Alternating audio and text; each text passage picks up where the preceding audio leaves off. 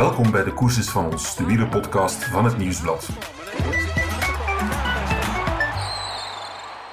Het doek is gevallen over het WK-veldrijden in Fayetteville en we zijn zes wereldkampioenen rijker. De oudste, Marianne Vos, is 34 jaar en 8 maanden. Op een paar dagen na exact half zo oud als Marianne Vos, de jongste, Zoe Bakstedt, 17 jaar, 4 maanden en 7 dagen. De meest West-Vlaamse wereldkampioen, Joran Viseure. De meest oranje, tot haar haren toe, Puk Pieterse. De meest verrassende, Jan Christen. En last but not least, de meest indrukwekkende, Tom Pitcock. Voor het eerst sinds 2014 heet de wereldkampioen veldrijden bij de profs niet Wout van Aert of Mathieu van der Poel. Een andere superman dan maar Tom Pitcock. En ook bij mij zit een superman, ook al heeft hij zijn cape thuisgelaten en gelukkig een minder strak pak aan, wielredacteur Werner Bourlet. Goedemorgen Werner. Goedemorgen Michael. Ja, even aan de luisteraars, wij zitten virtueel zijn wij aan het podcasten. Jij in Oudenaarde en ik in Gentbrugge. Dat lukt ook hè, tegenwoordig met de techniek. Alles lukt tegenwoordig. Ja. Het is een korte nacht geweest, maar uh, we zijn er klaar voor. S'morgens, smiddags of s'avonds laat voor de podcast staan we altijd paraat. Voilà, goed. Optimisten als we zijn, laten we beginnen met het goede nieuws.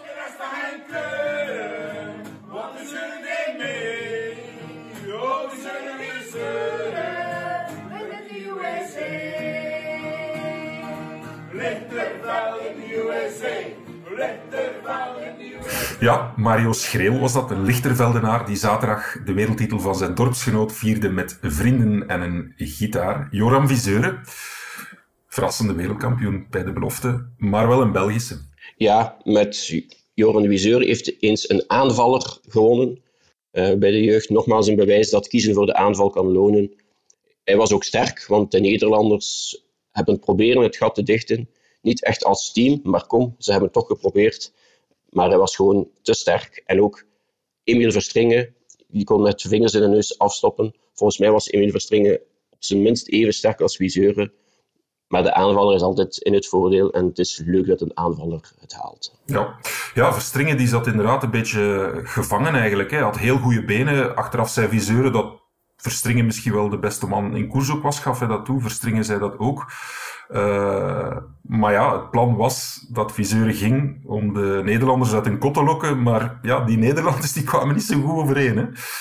Nee, en het plan om Viseuren vooruit te sturen, denk ik niet met de bedoeling dat hij was om vooruit te blijven. Want laten we eerlijk zijn, Viseuren is niet zo bekend. Uh, bij de jeugd was hij geen hoogvlieger. Hij moest zelfs meesturen naar ploegen om een contract te krijgen. Mm. Maar dit seizoen is hij toch aan de oppervlakte gekomen. Hij heeft de wereldbekermanche in uh, Kokzijde bij de beloften gewonnen. Ja. Werd tweede na Tom Pitcock in de elite race in Gullegem. Zonder andere toppers, maar toch. Hij bleef er toch Quinten Hermans voor. Dus hij kan wel iets. Hij kan een heel groot vermogen trappen. En hij kan dat een uur volhouden. En nu heeft dat geloond. Ja. Het is ook een beetje een zegen van Bart Welles, die wij voor onze voorbeschouwing belden ja, Quinten Hermans was er niet bij door COVID. En wij zeiden tegen Bart van ja, maak er toch het beste van. Ja, dat heeft hij wel gedaan. Hij heeft het inderdaad gedaan. Nog even over die Wiseuren. Hij was er vorig jaar al bij uh, op het WK in Oostende, ten koste van Thibaut Nijs. Mm Dat leverde bondscoach Sven van Toornhout heel veel kritiek op. Uh, vooral van papa Sven. Maar hij heeft nu toch het gelijk aan zijn kant gekregen. En ook een Bart Wellens is in die jongen blijven geloven. Ze hebben hem een kans gegeven bij Tormans. Mm. Uh, om iets meer tijd te krijgen om door te groeien. En chapeau voor Bart Wellens. Uh, hij is toch de man van Tormans. Hij zet zich met hart en ziel in voor dat team. Uh, dan is het leuk dat hij de vruchten ervan kan plukken. Ook met Zoe Beckstedt won hij bij de junioren meisjes. Daar speelt broer, broer Geert een grote rol. Want -hmm. Beckstedt was hem per se bij in Amerika. En dat heeft geloond. Ja.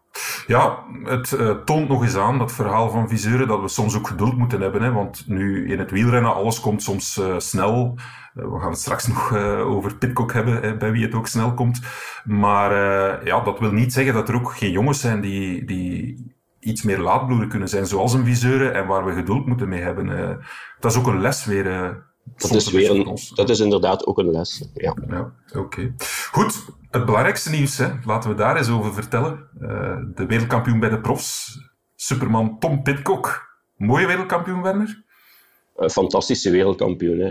Hij heeft, laat ons eerlijk zijn, de Belgen toch een beetje belachelijk gemaakt. Want hij was een klasse sterker. Hmm. En heeft nog eens bewezen hoe je moet focussen naar een WK, hoe je je moet voorbereiden op zo'n groot evenement. Hij heeft dat al bewezen op de Olympische Spelen in Tokio in het mountainbiken. Ja. En hij doet dat nu opnieuw. Ik moest wel een beetje lachen voor de wedstrijd met Toon Haars, alleen met wat hij zei. Hmm. Hij zei dat, uh, in, dat Pitcock vorig weekend in uh, Hoge Rijden en, en Hamme ja, toch niet zo goed voor de dag kwam. En hij had niet verwacht dat hij nu beter zou zijn. Ja. Want de week voor het WK moet je toch al uh, iets laten zien. Ja, beste toon, dat heet pieken, zou ik zeggen. Uh, en uh, daar zie je het verschil tussen een wereldcoureur die bij Ineos rijdt en met alle respect hoor, een Vlaamse veldrijder bij Baloise Trek. Ja. Dus Pitcock had een plan. hij heeft dat een perfect team en heeft dat tot in de perfectie uitgevoerd. Ja. Want herinner je een voorbeschouwing, ik had uh, twee inspanningsfysiologen gebeld. En uh, ja, eentje daarvan, die zei uh, over Tom Pitcock het weekend, vorig weekend, in Hogerheide en Hamme. Toen hij toch een beetje een suikerdipje had enzovoort, een beetje op zijn limieten stuitte. Die inspanningsfysioloog zei, ja, dat is net een goed teken. Want een klassieke taper, hè, dus pieken naar een moment, eigenlijk de week vooraf, ga je een beetje in suikerdepletie. Uh, en dan uh, de week uh, die volgt, weinig, weinig volume nog. En de suikers terug aanvullen en dan sta je er. En die inspanningsfysioloog stuurde mij onmiddellijk na de race van zie je wel, perfecte taper, perfect gepiekt. En ja, ook Kurt Bogaerts zijn begeleider zei het bij ons hè, in de voorbeschouwing toen er wat schamper werd gedaan over vorig weekend van Tom Pitcock, van ja, mm, het is toch niet, het is toch niet ideaal zei Kurt Bogaert van, ja, wij zitten perfect op schema, de waarden zijn goed. En kijk, ja, voilà. Bewezen, hè. Daar zie je nogmaals dat in het, laten we zeggen, kleinere veldritwereldje uh, ze soms eens wat breder mogen kijken. Ja, en, uh, absoluut. niet altijd uh, bij de technieken of bij, de, bij alle wedstrijden blijven die, die normaal voorzien zijn. En soms wel eens moeten uitbreken. Dat hmm. heeft Pitcock nogmaals getoond. En Pitcock had vooraf gezegd, er is één wedstrijd heel belangrijk, ik wil wereldkampioen worden. Al de rest is eigenlijk voorbereiding. En het is niet dat hij slecht gereden heeft in de voorbereiding, hij heeft ook drie crossen gewonnen. Hmm. Maar hij kan pieken als de beste en ja, dat is nogmaals bewezen. Ja. De discussie uh, zal natuurlijk weer oplaaien. We gaan het straks nog over Marianne Vos hebben. Die reed 10 crossen dit seizoen. Focust ook een beetje op dat WK. Haar grote concurrente Brandt heeft er 28 gereden. Pitcock die heeft 13 crossen gereden en Iserbiet, zijn grote concurrent, 34. Dus ja, die veldrijders zullen waarschijnlijk nu zeggen, ja, wij moeten een heel het seizoen uh, dragen. En dan komen daar, uh, ja, komen er daar een paar uh, gewoon even pieken naar dat WK en ja, snoepen ze, snoepen de mooiste kers weg van het seizoen. Ja, maar ze moeten niet heel het seizoen rijden. Hè. Er zijn zoveel crossen, ze kunnen ook in een klassement uh, laten vallen. Uh, en in Iserbiet en Toon Aarts, dat zijn pure veldrijders. Terwijl Pitcock presteert ook op de weg. Mm. Ik kan moeilijk verwachten dat Pitcock een heel veldritseizoen rijdt en dan nog eens in het voorjaar goed presteert. Dan nog ritten probeert te winnen in een Giro.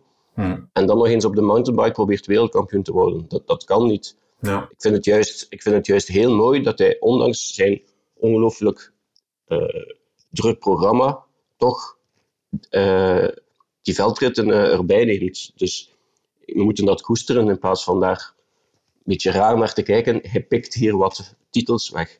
Ja. En misschien zet het ook bepaalde veldrijders aan het denken om tijdens het wegseizoen toch iets meer te rijden.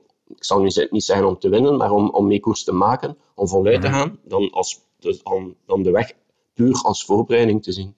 Ja, inderdaad. Ja, want als we kijken naar de wereldkampioenen veldrijden, uh, ik heb het in mijn inleiding gezegd, het is van uh, eh, 2014 geleden dat uh, niet Wout van Aert of Mathieu van der Poel wereldkampioen werden. Maar die wereldkampioen van 2014, dat was Zdenek Stibar en die was op dat moment eigenlijk ook al wegrenner. Hè? Ja, de laatste is eigenlijk Sven Nys in 2013. In Amerika dan nog, in Louisville. Ja, heel lang geleden. Toen hadden wij nog iets meer haar. Zo lang is dat al geleden. Spreek voor jezelf, Michael. Ja, Sven hij had toch ook uh, iets meer haar, denk ik, dan uh, toen. Nee. Um, ja, ik denk natuurlijk uh, voor Amerika, het, het WK in de cross, zij hadden natuurlijk heel graag Wout van Aert of Mathieu van der Poel gehad. Maar dit is misschien wel voor hen de next best thing. Pitcock, die zeker en vast ook al een beetje naam gemaakt heeft op de weg en zeker en vast nog naam zal maken. Ja, voor hen is dat wel mooi, uh, in plaats van ja, Iserbit of... Uh... Voor de organisatoren is het de beste winnaar die er kon zijn. Zelfs ja. beter dan Van Aert en Van der Poel, want uh, Van der Poel is al vier keer wereldkampioen geworden, Wout van Aert drie keer. En nu kunnen ze zeggen dat de eerste, de eerste keer dat Pitcock wereldkampioen werd bij hen in Amerika was. Dus voor het veldrijden is dit zeer goed. Die mannen als een Van der Poel, als een Van der Aert en als een Pitcock, die zorgen dat het veldrijden groter wordt, bekender wordt uh, bij de niet-grote fan van het veldrijden. Ze overstijgen eigenlijk het veldrijden en dat, dat is alleen maar een goede zaak. Ja. En Pitcock heeft ook voor de finishfoto van het jaar gezorgd, hè, Werner? Dat was... vroeger, vroeger deed hij dat, uh, bij de jeugd deed hij dat constant heeft het de hele tijd niet dus meer gedaan. We spreken over de Superman-pose. Ja. Ja, de Superman-pose uh, op de fiets is al wellicht gezegd hebben, ik zal het uh, houden voor als ik wereldkampioen word. Ja. En ik denk dat hij het er nog wel eens zal, zal mogen tentoonspreiden. Ja. Cruciale... Het, ging wel minder, het ja. ging wel minder vlot dan uh, een paar jaar geleden, heb ik gemerkt. het, was, het, was, toch een beetje stuntelig. Ja, hij wordt een dagje ouder op zijn 22. Hij wordt een dagje ouder natuurlijk. Ja, ja, hij is al 22, ja. Ja, ja. Zeg, ja, cruciale vraag. Hadden de Belgen het anders kunnen aanpakken? Uh... Ik denk het, ik denk het niet. Ja. Ze hebben uh, wat geprobeerd. Toen heeft proberen weg te rijden. ook van Toerenhout. zelfs Iserwit zelf op kop gereden en, en hard doorgetrokken. Maar hij reed zo makkelijk die gaten dicht. En op een bepaald moment zal hij gezegd hebben: eens ik op kop kom, dan zal ik eens doortrekken. Hij heeft dat gedaan. Het was meteen alle hens aan dek. Uh, zo ieder, ze kwamen dan wel terug. En dan op het uh, heuveltje of het bultje. Mm -hmm. uh, toen Van Toerenhout en Iserwit een beetje in elkaar haakten. Door een manoeuvre van Pitcock, ik denk het niet. Ze, ze waren zodanig dicht bij Pitcock zitten om geen centimeter hem te laten wegrijden. En dan gebeurde dat, maar dan nog, het was een paar meter en hij reed er zo van weg. Zeker op, uh, op die zware helling. Daar heeft hij echt nog eens de sloop, sloophamer boven uh, gehaald. Hmm. Ik denk als, Pit, uh, als Iserbiet of Van Toerenhout of anderen daar nog in zijn wiel zaten, dat hij daar gewoon 5, 6 seconden wegreed en dat hij ook vertrokken was. Uiteindelijk zal het geen cruciaal moment geweest zijn, maar inderdaad op dat knikje, Iserbiet en Van Toernout die elkaar nog wat in de weg rijden. Als we de discussie vooraf hadden van kunnen de Belgen elkaar helpen, ja, het tegendeel is eigenlijk waar geweest. Uh, Daar konden ze misschien elkaar helpen als ze 1 en 2 rijden. En uh, de tweede houdt wat in. Dan kon het misschien ja. gebeuren dat Pitcock uh, een paar meters moest laten. Maar hij reed het zo makkelijk toe hij had zo alles uh, onder controle. Hij was gewoon sterker. Ja. En dan moet je die daarbij neerleggen, denk ik. Voilà, goed. Ja, bijna hadden we nog een tweede Belgische wereldkampioen bij de junioren. Maar in de plaats van Belgisch goud waren het Belgische tranen.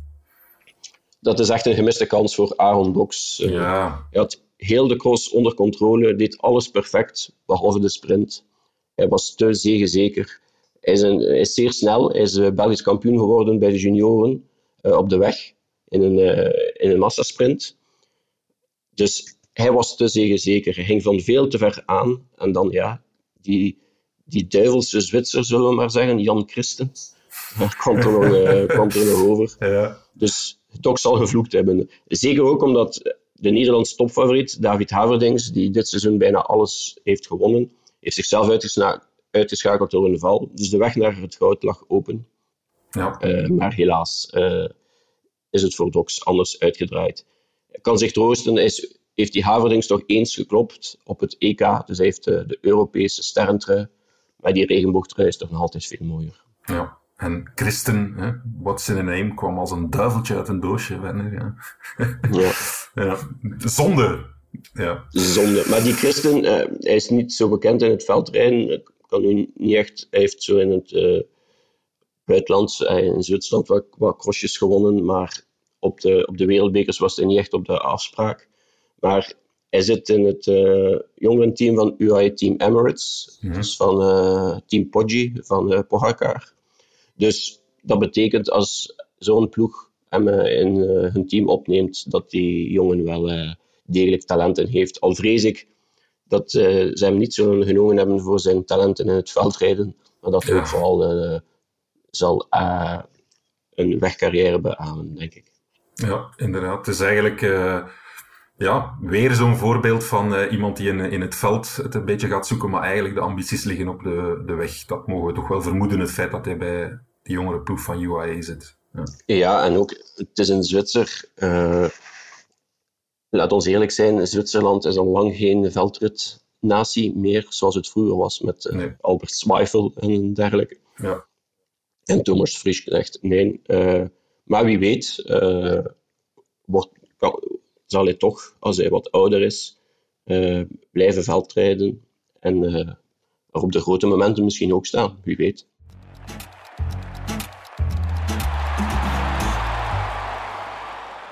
Ja, heel mooie wereldkampioen ook bij de dames elite. Marianne Vos, haar achtste wereldtitel.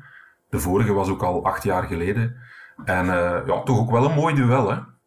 Het was een zeer mooi duel. Uh, Vos versus Brandt. Het was echt beklijvend. En uh, tactisch meestelijk gespeeld door Vos. Door de aard van het parcours werd het zeer tactisch. En dat is wel eens leuk. En ik denk dat Vos daarin geslepener is. Sluwe, vos, ja, ja, ja, dan, dan, dan Brand. Uh, toen Brand voelde dat ze Vos niet kon lossen, had ze volgens mij gewoon volledig de benen stil moeten houden en de rest laten terugkeren, of toch enkele renners laten terugkeren. Er zou dan gedemareerd worden en Vos zou alles moeten hebben teruggehaald hebben, of zelf zware tempo hebben bepaald. Dat was volgens mij de enige manier om alsnog Vos te kloppen in de finale. Eh, ze had gewoon moeten gokken. Eh, maar ja, nu heeft ze eigenlijk een beetje de rode loper eh, uitgerold. Want half koers was al duidelijk dat, dat Vos ging winnen. Ja, het was een beetje pijnlijk. Maarten van Gramberen, onze eminente collega van de VRT, die stond bij Sven Nijs, ronde na ronde. En dat was ja, langs de ene kant prachtig om te horen, maar ook een beetje pijnlijk dat uh, ronde na ronde Sven Nijs steeds gefrustreerder werd, omdat hij zag dat zijn renster Lucinda Brandt eigenlijk ja, supergoed was. Maar hij voelde de bui ook hangen. Hè. En hoe, hoe dichter bij de finish kwamen, hoe, zekerder Sven Nijs was dat, ja, dat Vos het ging halen. En eh, ja, wij, waren, wij, waren ook, uh, wij hadden ook dat gevoel. Iedereen had dat gevoel eigenlijk. Hè. Het was een duel, maar je wist, je voelde zo van... Ja, hoe gaat Lucinda Brandt hier winnen? Dat, ze krijgt ze gewoon niet uh, los op dat parcours. En ja, Vos is explosiever, sneller dan op het einde. Daarom ook Sven had kunnen zeggen. Hè. Niet rijden en laat ze maar terugkomen. Maar dat is zo... In het veldrijden wordt dat, wordt dat niet gedaan. Eh, nee, nee, dus, poker, Er is eigenlijk geen tactiek. Dat is eigenlijk een uur, geef maar alles. En, uh, we zien wel waar we uitkomen. En het was nu eens een, een ander WK, een ander parcours, waar het wel wat mogelijk was om het iets tactischer aan te, uh, passen, aan te pakken. Sorry. Maar hmm. helaas. Ja, Nee. Ja, Marianne Vos, ik heb er ook bijzondere herinneringen aan. Ik heb haar ooit uh, geïnterviewd, goh, jaren geleden, ik denk intussen tien jaar geleden. En um, we hadden afgesproken in, uh, ik geloof dat de bra brasserie Koppelpaarden heette. En ja, ze sprak er altijd af voor, voor interviews, uh, omdat ze die niet bij haar thuis wou doen. En uh, we kwamen daartoe met de fotograaf. En ik vroeg haar van, zeg, ja, is er een plek waar we, een beetje een fotogenieke plek waar we foto's kunnen nemen? Ze zei van, ja, er is een, een kasteeltje met een parkje hier in de buurt. Dus de fotograaf en ik in de auto. En uh, Marianne Vos was op een gewone stadsfiets, echt zo'n Hollandse fiets, hoogstuur. En uh, helemaal geen sportieve fiets. En ze reed voor ons met de fiets en dat was indrukwekkend. Ik heb nog nooit iemand zo snel op een stadsfiets zien uh, rijden. Ze, ze haalde vlot, ze ging vlot boven de 30 per uur. Echt indrukwekkend. Dus uh, zelfs op een gewone fiets gaat ze keihard, Vos. Ze zal wel een indruk maken hebben op jou, uh, Micha. Ja, wie weet. Ja, nee, nee. Nee, maar het is, het is een fantastische dame. Wat ik me nog herinner toen ook, uh, ja, ondanks haar status heel bescheiden als we spreken over een, over een christen, ze is zeer gelovig trouwens. En uh, niet dat ze naar de kerk gaat, maar uh, ja, ze straalt dat wel uit. Heel bescheiden gebleven. Ze gaat ook altijd naar de cross met haar uh, ouders en haar broer gaat ook mee, die is fotograaf. En haar ouders gaan altijd met de camper, maar geen hypermoderne camper. Het is meer zo, ja, bijna een, een afgeleefde camper zou ik zeggen. En heel eenvoudige mensen. Het is ja, prachtig gedaan het is een, Het is een, een zeer bescheiden vrouw. Ja. ook heel sympathiek, een beetje ingetogen, ja. dat wel.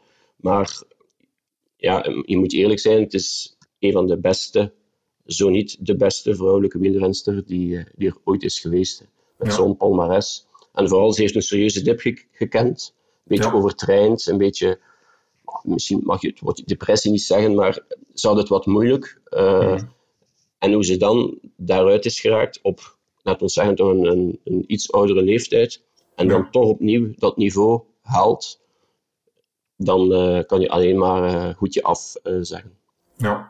ja, inderdaad. Ze, ze, spreekt wel altijd van een soort van fysieke burn-out en geen mentale burn-out. Omdat dat was in de aanloop van de Olympische Spelen van 2016. Toen ze inderdaad, ze won alles in het veld op de weg. En dan was er ook nog eens het mountainbiken bijnemen. Ging ze voor de Olympische titel in het mountainbike. Ja, en dat bleek een beetje te veel. En in de aanloop van die Spelen is ze eigenlijk ja, gecrashed. En uh, heel haar lichaam in crashmodus gegaan. Dan heeft ze eigenlijk een aantal jaar gesukkeld met, met allerlei kwaaltjes en, en pijntjes en zo. Waarschijnlijk een uiting van ja, te veel hooi op de vork nemen. En dan, echt, dan is ze echt beginnen twijfelen aan haar carrière. En ja, kijk, nu staat ze er weer. En in die zin wil ik toch ook het voor haar opnemen. De mensen die zeggen van, ja, ze heeft in het wiel van Lucinda Brandt gezeten enzovoort. Maar ja, als je ziet welk parcours ze afgelegd heeft en niet vergeten in Leuven uh, op het WK wordt ze tweede, geloof ik. Ja. Wordt ze een beetje ja. in de steek gelaten door de Nederlandse ploeg. Op de Olympische Spelen wordt ze ook wat in de steek gelaten door de Nederlandse ploeg. En dat ze dan nu zegt, ik blijf lekker in het wiel zitten. Als je heel die voorgeschiedenis kent, dan, uh, dan kan ik alleen, alleen maar gelijk geven. Ja. ja, Lucinda Brandt was ook op dat WK. En ja, was er in de finale ook niet het, het heeft er in de finale ook niet het werk gedaan, wellicht dat ze kon doen. Nee, nee, nee, nee. Dus uh, dat speelt allemaal mee. Maar ja ze is gewoon een verdiende winnares. Ja, inderdaad. En het siert daar dat ze bijvoorbeeld uh, na dat WK op de weg of na die Spelen niet, niet uitgehaald heeft naar de ploeg of zo, maar dat ze die energie gespaard heeft en nu gewoon met de benen spreekt. Hè. Dat is de beste manier. Dat is de beste manier. Ja. Zeg, Werner, ja, we hebben nu over uh, Lucinda Brandt en Vos, dat duel. En kwam door het parcours natuurlijk, hè, dat Brandt niet in staat was om Vos te lossen. Wat vond jij van dit parcours? Het is, het is, een, het is een fantastisch parcours op, om op te fietsen. Uh, je ziet duidelijk dat in Fayetteville uh, de fiets heel belangrijk is. Er worden mhm. enorme uh, paden aangelegd. Het, vooral ook met de mountainbike. Ze willen er binnen een paar jaar het WK mountainbike ook organiseren. Dus het leeft daar, het leeft daar enorm. Dat kan je alleen maar toejuichen. Maar dit parcours was wel zeker ook door de weersomstandigheden en de ondergrond leek het wel een beetje op een halve wegkoers. Uh, het was heel breed. Uh, ja, er was geen modder. Er was eigenlijk ja, een beetje gras, maar het gras voelde aan, denk ik, als over betonrijden. Dus uh, het is niet het ideale cyclocross parcours. Maar oké, okay, het, het mag wel eens. En we hebben een daardoor kon het tactisch worden. Hmm. En kon het interessant worden. Maar dat is uiteindelijk heeft tactiek op, uh, bij de belofte na eigenlijk weinig gespeeld.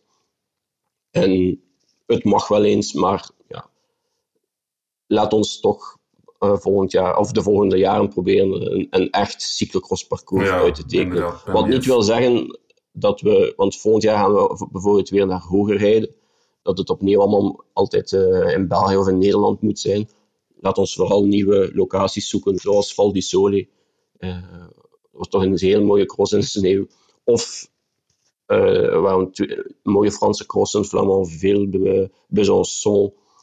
Laat ons vooral nieuwe, uh, nieuwe locaties uh, ontdekken en daar crossen organiseren. Ja. Maar ja, er, er moet ook een stad zijn of, of een land die er genoeg voor over heeft om het te organiseren, want het kost allemaal heel veel. Ja, en de States was het Walmart, hè, die zijn hoofdzetel heeft, of ontstaan is in Fayetteville.